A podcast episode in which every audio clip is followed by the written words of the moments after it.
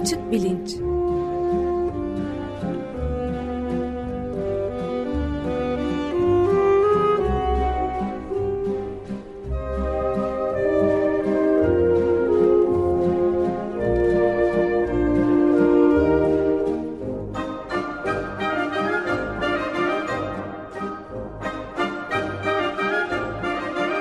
Güven Güzeldere ile bilim ve felsefe sohbetleri.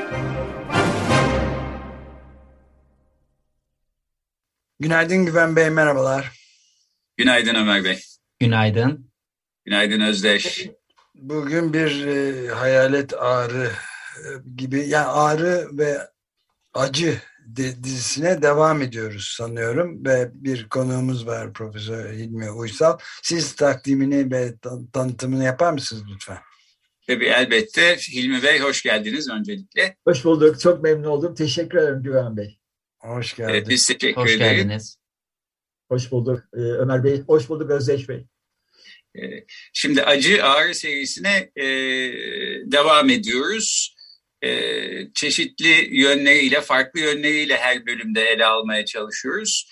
Bu e, bölümde de e, üzerinde özellikle benim konuşmak istediğim istediğim konulardan bir tanesi hayalet ağrıdan daha önce bahsettik ama yüz nakli e, ile ortaya çıkan hayalet ağrı diye bir şeyden bahsetmemiştik.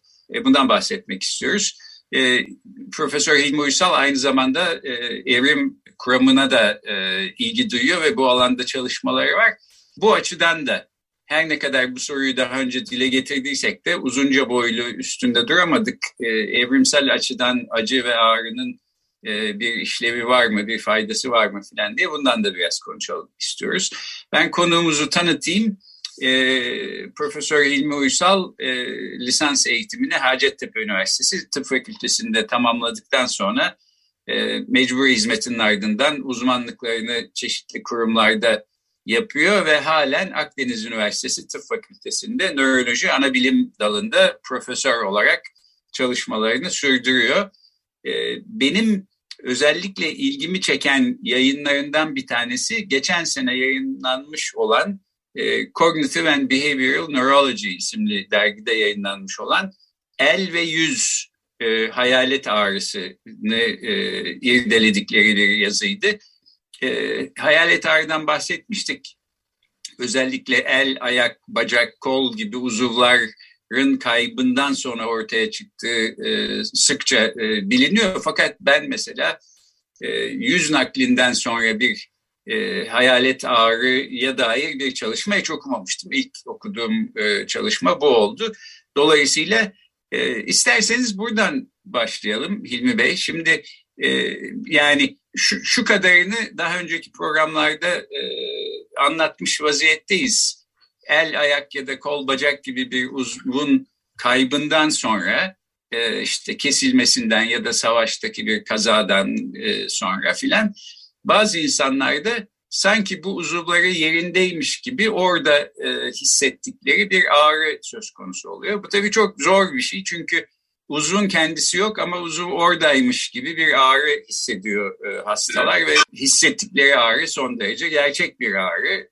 şikayet ediyorlar. Bunu tedavi etmek için de çeşitli yöntemler kullanılıyor filan. Türkiye'de son zamanlarda e, bu nakil e, ameliyatları aslında öne çıktı. Yüz nakli özellikle ilgi çeken bir konu oldu. E, siz de e, hem el ve e, yüzün beyindeki temsilinin birbirine yakın yaylarda olmasından kaynaklanan bir şekilde hem de işte bu yüz nakli e, yapılan hastalardaki e, hayalet ağrının e, ortaya çıkması üzerinden bu konuyu ele almışsınız. Biraz buradan şimdi ilk iş başlasak hayalet ağrı ve özellikle el ve yüz e, konusunda konuşabilir miyiz? Tabii ki. Ee, bir kere e, Güven Bey yani bu konudaki ilginizden dolayı teşekkür ederim.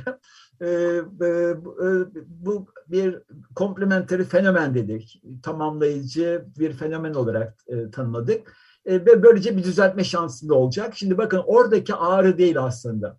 Ve bence ağrıyı anlamak yani hayalet e, duyu kavramı yani e, bakın aslında konuya da girmiş oluyoruz. Aslında bir duyu. Ağrı da bir duyu ama aslında tek duyu değil. E, dolayısıyla bizim aslında tanımladığımız hayalet duyuyor. Ee, aslında biz yani e, ben elektrofizyoloğum MG laboratuvarına e, çok sayıda hasta görüyoruz. Ne oluyor mesela diyelim ki e, trafik kazası geçiriyor ve e, çok ya çok üzücü gerçekten özellikle motosiklet kazalarında motosiklet böyle e, tutuyor ya sapını motosiklet plap gidiyor kolda çekip götürüyor bütün o e, boyundaki sinirler pat pat pat pat beş tane kök var beş pat pat pat pat kök gidiyor kol sinirsiz kalıyor. Şimdi ve o kadar çok e, epeyce böyle bir hasta izledim ve bunlarda e, görülen bir fenomen şöyle bir şey oluyor. E, e, kol aslında sinir siniri yok. Yani kasları var, kemikleri var ama hiçbir duyusu yok kolun. E, dolayısıyla hastaya EG yapıyorsunuz, sinirleri ölçüyorsunuz. Hiçbir sinirde aktivite yok. Total kasların hepsi e, sinirden koptuğunu gösteren bütün bulgular var. Bu hastalarda çok ilginç bir şey var. Tabii ağrısı olanlar var. Var yani. O yok değil. Ben onu, onu da anlatacağım. Hatta çok ilginç e, bir hastam vardı. E, şimdi şöyle diyor ki parma, tırnak, elin parmakları tırna, batıyor gibi hissediyorum diyor. Ya, bakın el, elde batan bir şey yok ama hissi var. Tamam O hasta muhtemelen elini aslında sinirleri kopmadan evvelki son duyusu o yani motosiklet kullanırken ki son duyusu kim bilir o kaza sırasında nasıl bir, e, tırnakları parmakları yani eline avucunun içinde geçiyormuş yani öyle anlıyor insan ve o son hissi halen yaşıyordu hasta. Ama biliyorum ki hiçbir hiçbir şey yok. Ne tırnaklar geçiyor ne hiçbir şey yok elinde. Dolayısıyla bir fantom ağrı o. Ama burada sorun o değil. Fantom duyu. Şimdi fantom evet. duyu şu. Mesela ben sizin e, elinize dokunsam değil mi? Parmaklarınıza dokunsam sadece parmaklarınızı nereye dokundun desem parmağıma dokundum diyorsunuz. Evet. Bu hastalarda mesela yüzünüze dokunsam yine ne, değil mi? Yüzünüze dokundum diyorsunuz. Ama mesela bu motosiklet kazası olan hastalarda ki bazıları da iş kazası çok yani çok üzücü. Gerçekten e, yani hekimler olarak biz de ülkedeki bu kazalar şeyinde bir ölçüde hani ben de onu iz, görmüş oluyorum. Mesela iş kazası, elektrik çarpması mesela. Elektrik işçisi elektrik çarpması oluyor ve yine aynı problem, benzer problem. Şimdi o hastalarda bakın e, siz sorunca anlaşılıyor. Çok ilginç. Hastanın yüzüne dokunuyorsunuz. Gözleri kapalı yüzüne dokunuyorsunuz. Nerede dokundum diyor. Parmağıma dokundum diyor. Evet. Anlatabiliyor muyum? Buna biz phantom duyu diyoruz. Phantom sensation. Bizim evet. benim de buradaki makalede yani o 2021'de yayınlanan makalede de gerçi bunu Dünya Kongresi'ne de sözlü sunu olarak sundum sözlü bildiri olarak. Zaten yani bunu makaleye getirinceye kadar oradan geçirdim ve orada da çok ilgi çekti gerçekten. Ee, bizim e, bu hastalar yani el de dener ve bütün sinirleri kopan el ama el dokusu var ama el dokusuyla ilgili beynin hiçbir bilgisi yok. Yani ha kol, kol tamamen kopmuş sinir açısından, sinir sistemi açısından. Ha beş duyu şeyde kopmuş diye düşünün. Bu hastada mesela yüzüne dokunuyorsunuz par, hatta parmaklarını tanımlıyorlar. Yani mesela serçe parmağına dokundun. Nereye dokundum? Nerede dokunmuş gibi hissediyorsun diyor. Baş parmağıma dokundun. Bence çok ilginç bir yani ben hani insan e, o kadar heyecan duyuyor ki mesela el nasıl el elin bir e, taslağını gördüm yüzde bu hastaların yüzünde ve baş parmak ağız çevresinde serçe de alına doğru yani şöyle ters duran elle yüzün oluşumu çok çok ilginçti. Ya e, homunculos'la bir bakınca şaşırıyorsunuz yani bu benzerliğe. Gerçekten bak yukarıdan hani bunlar homunculos'ta yüzde el komşuluk gösteriyorlar. Şimdi bu da bu da olağanüstü ilginç bir konu. Yani nörobilimin en önemli güzel konularından, ilginç konularından bir tanesi. Düşünsenize bütün yani beden birebir temsil edilmesini bekliyorsunuz beyinde değil mi? Hayır öyle değil. Beden garip bir şekilde temsil ediyor. Başta yüz, el ele yan yana duruyorlar tamam mı? Mesela ayaklar bambaşka bir yerde e, ne bileyim anlatıyorum yani böyle bir gariplik içeren bir e, e, sıralanışı var. Bir anlamı var şüphesiz. Onunla ilgili de hipotezimiz var. Şu anda da süren bir çalışmamız var. Eğer merak ederseniz onunla da sonra bahsedebilirim. Ama gelelim Phantom Sensation'a. Bu Phantom duyu, bakın duyu ağrı değil buradaki. Ağrı da bir duyu aslında. Dolayısıyla bakın ağrının bir duyu olduğunu ama bunun bir e, his olarak da dokunma yani e, dokunma da e, elle ilgili alanın alana dokunuyormuş ka, e, duyusunu veren bir fenomeni tanımladık. Şimdi bu bizim buradaki literatüre katkımız ne biliyor musunuz? Bu da ben de bundan da çok mutluyum gerçekten. Yüz, yüzdekilerinde ele dokununca elin maniyetinizde yüze dokunuyormuş gibi hissettiler. Yani dudağımın yanına dokunuyormuşsunuz. Anlatabiliyor muyum? Alnıma, burnumun çevresinde. Dolayısıyla elde yüzü gördük yani. Bu kadar, o kadar yani etkileyici ki komplementeri onun için bu adı ben ver yani bizim makalemizin adı literatürde ilk defa komplementeri fenomen diye girdi. Ben de çok mutluyum yani bir terim bir terimle bir terim katmış olduk literatüre. Ama tabii ne kadar ilgi görecek, ne kadar refer edilecek bilmiyorum. Bekliyorum da aslında. Bir de, biraz da bizim bundan sonraki yayınlarımıza bağlı ama şimdi iki, bundan sonraki bir yayında geliyor arkasından. Demek ki nasıl yüzde eli buluyorsam elde de yüzü buluyorum. Çok etkileyici. Evet. evet. Yani her şey çalışması gerektiği gibi çalıştığı zaman bu tür e, karışıklıklar olmuyor. Parmağıma dokunursanız siz ben işte şu parmağıma dokundunuz diyorum. Yüzüme dokunursanız dudağıma dokundunuz, kaşıma dokundunuz diyorum. Fakat sinir sisteminde bir takım bozukluklar olunca bu iş karışıyor ve e, elle dokunduğunuz hasta yüzüne dokunduğunuzu sanıyor. Sinir sisteminde bir karışıklık değil bakın buradaki. Ya işin güzelliği de burası. Bu sinir sisteminde değil, bedende bir karışıklık olduğunda. Bedende bir karışıklık. Peki. Yani bakın sinir sisteminde hiçbir problem yok. Yani beyinde, beyinde, beyin açısından hiçbir problem yok. Hı. Ama bedende bir fark. Dolayısıyla ben onu da makalede, yani biz bedeni, beyni bedensiz anlayamayız. Bedenle birlikte o kadar güzel gösteriyor ki, yani beyin ve beden birbirinden ayrılamaz. Ayrı ayrı kavranması imkansız yapılar bunlar. Evet, bu da aslında e, konuyu belki evrimsel bakış açısının önemine de getiriyor. Yani beyin e, konusunda bir şeyler öğrenmek istiyorsak beynin bir parçası olduğu bedeni bütünüyle çalışmamız lazım. Aynen, aynen. Temel temel kavram budur gerçekten. Yani hiç e, ne felsefeciler, bakın felsefecilerin düştüğü e, sorunlardan birisi de budur aslında. Yani beyni beyni böyle bir kutunun içerisinde anlamak imkansız. Yani o ama beyni araştırmamız gerekiyor. Ama beyni bedenden ayrı düşünmek doğru değil. Bedenin evet. bir beden ve beden ve beyin bir bütün oluşturuyorlar. Ee, e, bedenimiz olduğu için bir beyne sahibiz. Yani be, bedenimizi beyinsiz düşünemeyiz. İkisini beraber e, ele almak gerekiyor. Biz önceki bölümlerde acı ve ağrının e, canlılar dünyasında yaygın olmasının bir nedeninin e, bir tür savunma mekanizması olarak, bir tür ikaz mekanizması olarak işe yarar bir şey olduğunu, bir fonksiyonu olduğuna e, bağlamaya çalışmıştık.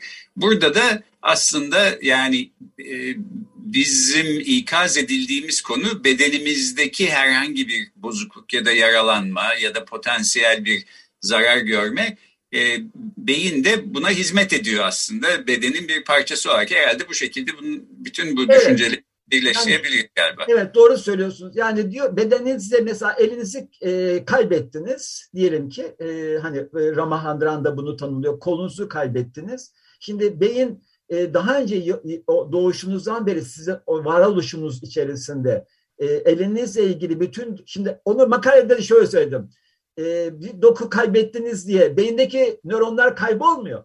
Bakın bizim sinir sistemimiz üçlü bir sinapstan oluşuyor.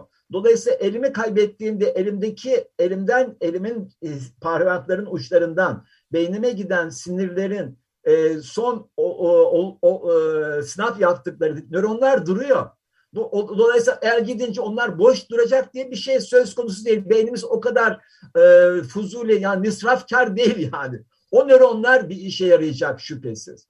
Bu e, onların üzerinde her yani beynimiz aslında bir varoluşumuzda yani ontolojimiz içerisinde de bir e, plastik bir yapı olduğu için onun içinde beyin şekillendiği için ontolojimizde de onun da katkısıyla şekillendiği için o elimle ilgili duyuların taşındığı nöronlar varlıklarını sürdürdüklerinden onun üzerindeki elimden duyusu elimle ilgili duyu veya da yüzümle ilgili duyu. Yani yüzümü düşünse yüz nakli de olağanüstü bir şey. Yüz ve arkadaşlarım yani e, hani söyleyeyim bence e, dünyadaki en büyük cerrahi e, deneylerden birisidir diyorum yüz nakli. Çünkü yüzünüzün yüzünüzün duyusunun hiç olmadığı dönem yaşıyorsunuz. Hiçbir duyunuz yok yüzünüzle ilgili. Ve beyin beyin beyin için bir bölü üçünü oraya ayırmış durumda. Sadece duyu değil hareket de var. Yani kaslarınız hareket yok duyu yok. Yani beyin için olağanüstü bir durum şimdi bu. Oradaki nöronlar boş mu duracak? Hayır. Oradaki ölecek mi? Hayır. Hiçbir zaman asla. Onlar üzerinde onun komşusu e, vücudumuzdan gelen sinyaller tek bir nörona gitmiyor. Öyle bir yani elektrik tek bir bir e, e, e, sinirden bir uyaran yani bir e, hattan gelen bir sürü nörona uyarı götürüyor. Dolayısıyla ağırlıkları değişiyor. Elden elle ilgili ağırlıklı bilgi alan yer ya da yüzle ilgili ağırlıklı bilgi alan yer bu sefer ne yapıyor? Boş duracak değil ya o nöronlar. Onlar o zaman elden gelen e, uyarılara yanıt verir noktaya gelince biz nasıl alıyoruz? O elim uyarıldığında sanki yüzümün yüzümle ilgili daha önce işlev yapmış yüzümle ilgili bence e, duyum oluşturmuş var yüzle ilgili bir görev almış nöronlar uyarılıyor ve beynim ya benim diyor bu nöronun yüzümle ilgili nasıl olur demek ki o da uyarılıyor deyip ben de ben de bilincimde benim bilincime de bu yüzüm uyarılıyormuş gibi bir şekilde çıkıyor. Aslında bilinçaltıyla bilinçle ilişkili bir yönü de var işin. Ee, evet. Bu konuda. Evet. Peki ben bir de şunu sorayım. Biz şimdi önceki programlarda akut ağrı ile kronik ağrı arasındaki ayrıma da biraz bakmaya çalıştık. Hı hı. Akut ağrının bir ikaz mekanizması olarak nasıl çalıştığı çok açık. Yani ayağıma çivi battı işte hemen beni ikaz ediyor da bir şey var üstüne basma, e, dikkat et, e, iyileştirmeye çalış falan e, diyor belki diyebiliriz. Fakat kronik ağrıda böyle bir şey sanki yok gibi. Yani e, kronik ağrının dolayısıyla bir savunma mekanizması olarak görülmesi mümkün mü yoksa bir savunma mekanizmasının yanlış çalışmasından dolayı ortaya çıkan bir bozukluk olarak mı görmeliyiz? Nasıl e, anlamalıyız? E, şimdi tabii evrimsel açıdan e, anla, anla, yani evrimsel bir bakış açısıyla bakınca bu konu çözülebiliyor. Yoksa gerçekten e, kolay bir konu değil ağrı konusu. Ama ağrı bir duyum gerçekten. Ve e, diğer duyumlarla beraber düşünmek lazım. Onlar mesela korku gibi düşünmek lazım. Anlatabiliyor muyum? Korku yararsız bir şey değil. Yani korku mesela hiç korkusuz insan nasıl hiç ağrısız insanlar 30 yaşından sonra yaşamıyorsa hiç korkusu olmayan insanlar da uzun yaşamıyorlar. Anlatabiliyor evet. Ama mesela fobikler yani fobik olmak da korkunç bir şey. Yani Anlatabiliyor muyum? O, o nasıl patolojiye dönüşürse yani bizim için koruyucu, bizim bedenimiz için koruyucu olan e, mekanizmalar bunlar aslında. Ve inanın bana ilk refleks, ilk iki nöron, iki hücre, çoklu hücreler oluştuğunda iki sinapslar yani e, sinapslardan başlıyor bu mekanizma. Kendini korumak için e, hiç beyne beyin oluşma yani bizim bildiğimiz santral sistemi oluşmadan da bir uyarana karşı bir yanıtın oluşturulduğu refleks mekanizmalar kurulduğunda aslında büyük ölçüde bizim bugün e, bugünkü gördüğümüz ağrı ile ilgili yollar açılmış oluyor. Ve ilki miyelinsiz lifler. Bunu biliyoruz. Yani miyelinsiz bugün yani ağrının o hani e, bizim bizi rahatsız eden, bizi en çok rahatsız eden kısmı işte iç organlarımızdaki ağrı, ne bileyim kalp ağrısı, bağırsak ağrısı gibi ağrı, işte diş ağrısı gibi ağrıları tanımlayan miyelin lifler bizim ilk evrimsel basamağımızda ilk oluşan lifler. Miyelin lifler daha sonra oluşuyor. Yani yaklaşık demek ki 350-400 milyon yıl öncesinin bir armağanı bunlar bize.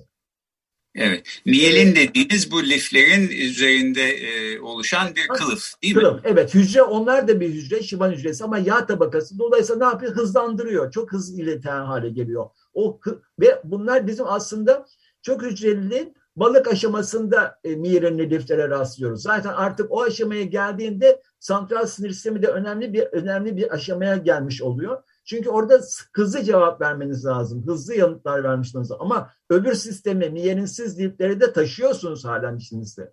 Yani sinir sistemimiz aslında gerçekten e, e, bir e, modül modül oluşuyor. Hiçbir modül e, kaybolmuyor. Dolayısıyla şimdi biz ağrıyı bizim koru bizim var e, yani gene, e, neslimizin hani e, çok hücreli canlılardan itibaren aldığımız e, en önemli e, parçamız bizim.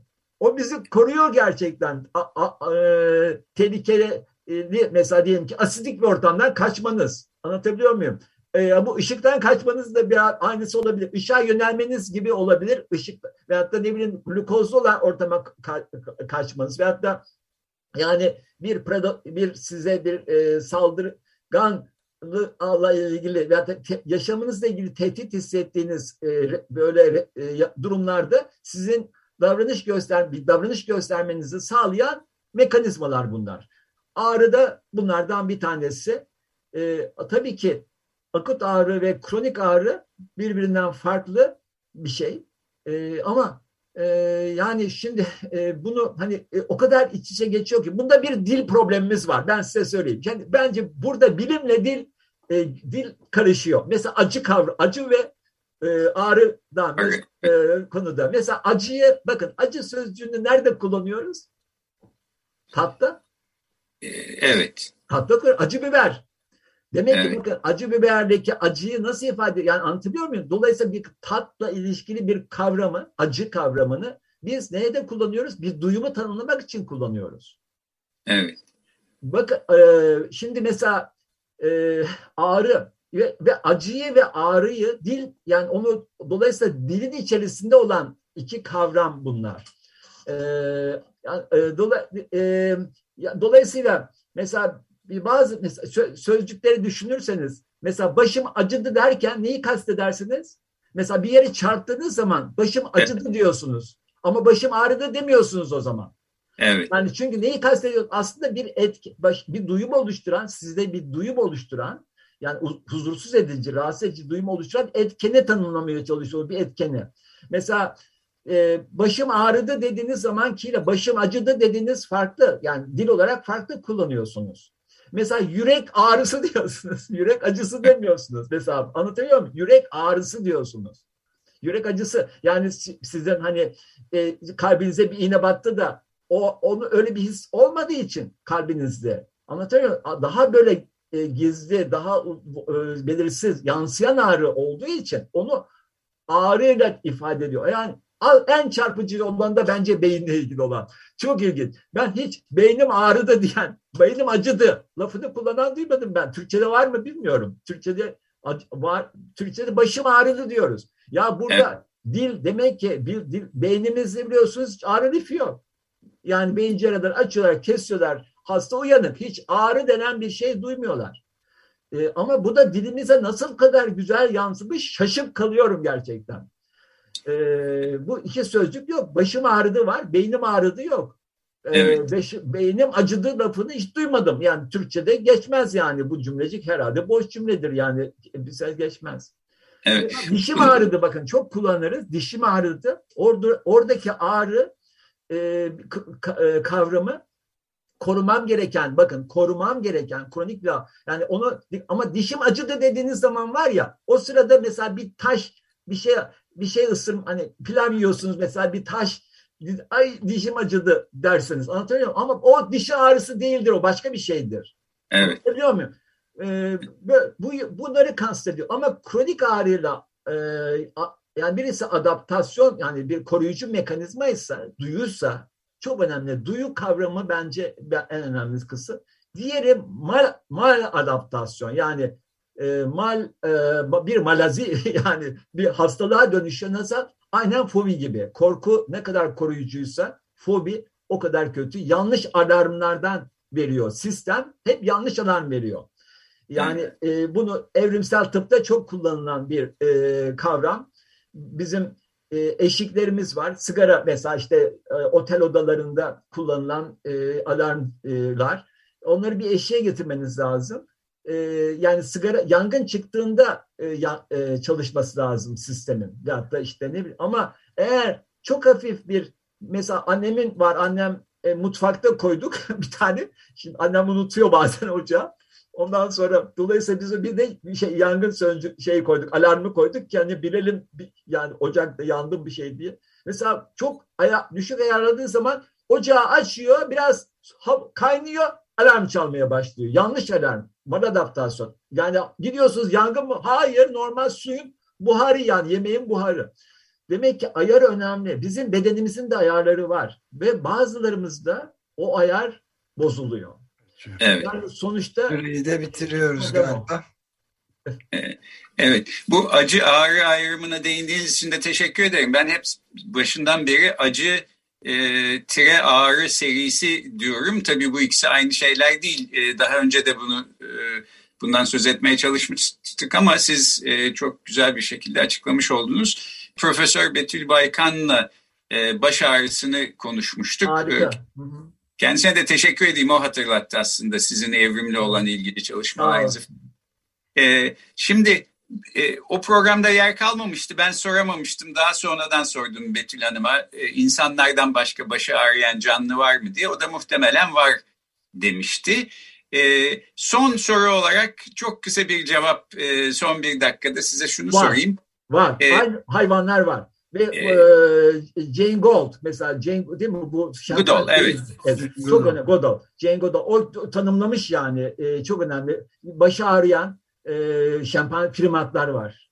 Ve evet. e, ve e, ağrı kesici arayıp arayan e, yürek ağrısı çekenler var. Ben size söyleyeyim. Ruhsal ağrı çeken primatlar var. Var. Evet.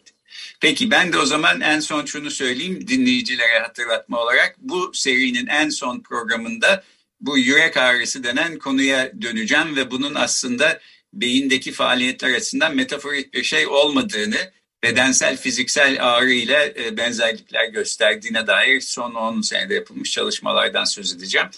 Böylece bitirelim. E, konuğumuz e, Akdeniz Üniversitesi'nden Profesör Hilmi Uysal'dı. Acı ağrı serisine devam ettik. Çok teşekkür ediyoruz Hilmi Bey. Ben teşekkür ederim. Çok teşekkürler.